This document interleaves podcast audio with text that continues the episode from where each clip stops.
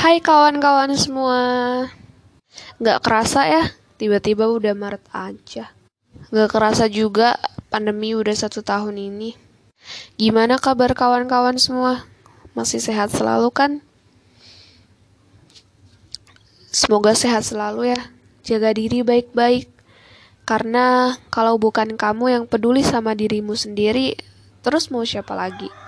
Kuat-kuat yang lagi LDR. Semoga cepat-cepat ketemu. Yang menunggu tanpa kepastian juga. Semoga segera jelas semua permasalahan kehidupan ini. Yang lagi melangkah maju, meninggalkan semua masa lalu yang buruk, semoga diberikan kemudahan ya. Dan yang lagi berusaha melupakan, semoga dipermulus semua jalannya. Semoga dianya gak balik lagi, karena kalau kita udah berusaha ngelupain seseorang terus dianya balik lagi, percuma banget semua usaha kita. Teman-teman semua pasti pernah merasakan rindu kepada sahabat-sahabat lama yang sekarang udah gak pernah chat atau nggak pernah berkabar lagi. Sahabat-sahabat yang dulu kita anggap sebagai tempat buat kita ngeluapin semua masalah kita ke dia gitu. Cerita, saling curhat, berbagi kisah. Tapi pernah nggak sih kalian ngerasain capek banget gitu sahabatan sama seseorang? Capek karena ketika kita ketemu dia, sesuatu yang dibahas itu selalu aja keburukan-keburukan. Entah itu keburukan orang lain, atau bahkan justru keburukan satu sama lain.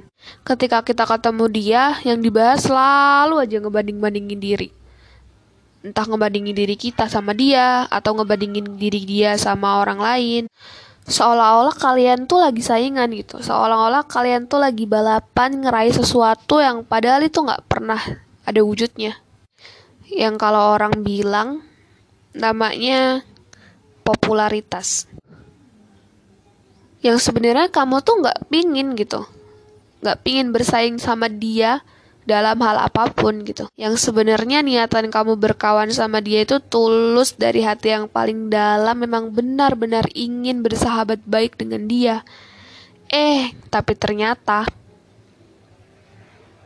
isi dari persahabatan kalian selama ini justru ngebanding-bandingin dan ngebahas sesuatu yang buruk gitu. Kayak persahabatan kalian tuh nggak sehat gitu. Pasti rasanya capek banget ada di dalam lingkungan pertemanan yang kayak gitu tuh. Seolah-olah bertingkah seperti paling sempurna sendiri kalau pergi bareng dia itu pengennya penampilan kita yang paling keren gitu beli ini itu biar dianggap punya gitu biar dianggap ada gitu berada. Padahal sih sebenarnya diada-adakan gitu.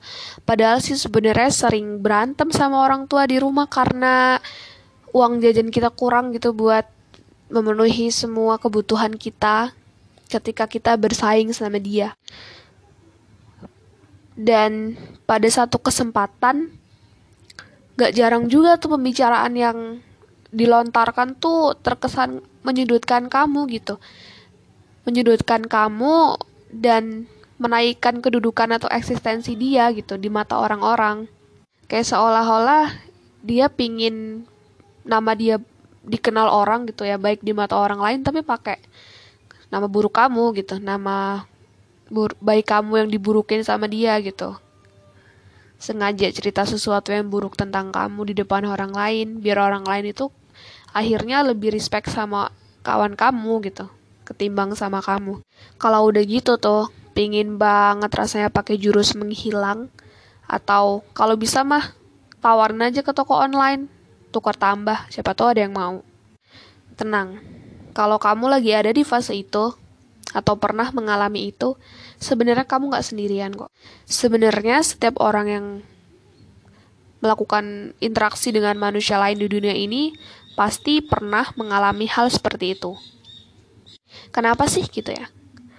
Ya karena memang pola pikir orang yang beda-beda, sifat orang yang beda-beda, itu yang nyebabin mereka gak bisa kita kontrol gitu perilakunya dan pemikirannya karena itu udah di luar kemampuan kita itu udah di luar tanggung jawab kita itu udah di luar ranah kita yang sebenarnya bisa kita kontrol adalah pemikiran dan sikap kita sendiri gitu. Karena itu ada di dalam ranah kita itu termasuk ke dalam bagian diri kita gitu.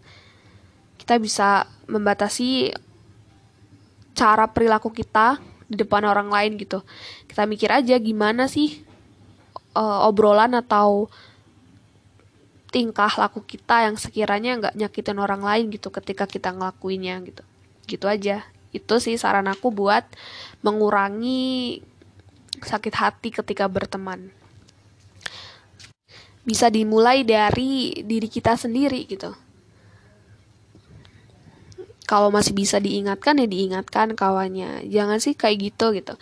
Gimana kalau kita ngebahas hal lain gitu yang lebih yang lebih bisa ngebuat kita berpikiran positif dan produktif gitu. Misalnya ngebahas gimana cara supaya jadi pemuda yang lebih baik, pemuda yang bisa bantu ngebangun bangsa gitu. Bareng-bareng ngebangun bangsa gitu.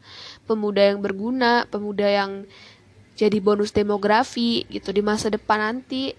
Karena kan ketika kita dewasa hal yang tadinya kita anggap penting jadi nggak penting lagi gitu. Sahabat-sahabat kita yang tadinya kita anggap best friend banget suatu saat pasti bakalan terseleksi dengan sendirinya gitu suatu saat kita bakalan memperkecil ranah pertemanan kita karena memang ya banyak kawan-kawan toksik yang memang harus ditinggalkan gitu.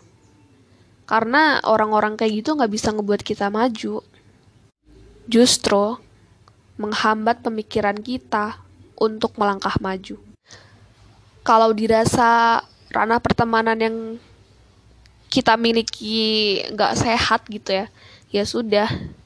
Sebaiknya kita bergegas untuk berkemas dan beranjak dari situ gitu pergi berhijrah cari kawan baik yang lain jangan pernah takut kehilangan satu teman yang gak tahu caranya ngehargain kamu yang selalu nyepelein kamu, yang membawa pengaruh buruk ke kamu gitu. Jangan pernah takut ninggalin orang-orang kayak gitu. Karena di dunia ini manusia nggak cuma dia kok gitu banyak banget manusia lain yang lebih bisa membuat kamu berharga, yang bisa ngehargain kamu, yang tahu caranya berteman dan menjalin relasi dengan sehat gitu. Dan dia bersyukur punya kamu sebagai sahabatnya. Buat aku sendiri, lingkungan pertemanan yang sehat itu penting banget buat membawa jiwa kita bahagia gitu. Menurutku lingkungan yang sehat ya lingkungan pertemanan yang bisa saling mendukung satu sama lain dalam kondisi susah maupun senang selalu ada nggak ngilang nggak nggak maunya minta bantuan terus giliran kita yang butuh dianya nggak ada gitu ya. Cari kawan yang bisa saling melengkapi kelemahan kita berjalan beriringan bareng-bareng menuju masa depan, saling mendoakan, mendukung, dan menuju perubahan gitu. Dan perubahan yang diharapkan ya perubahan yang membawa kita lebih baik gitu. Bukan cuma kita manfaatnya tapi manfaatnya juga dirasakan oleh lingkungan kita yang lain gitu. Kalau kita sudah menemukan teman yang tepat teman yang saling mendukung yang menghargai kamu yang bisa membawa kamu ke jalan yang benar gitu ya bukan persahabatan yang nggak sehat gitu maka genggam dia erat-erat insya Allah sampai jannah tuh. Jagain. Semoga persahabatan kalian langgeng ya. Semoga sampai kakek nenek. Terima kasih sudah berkenan mendengar.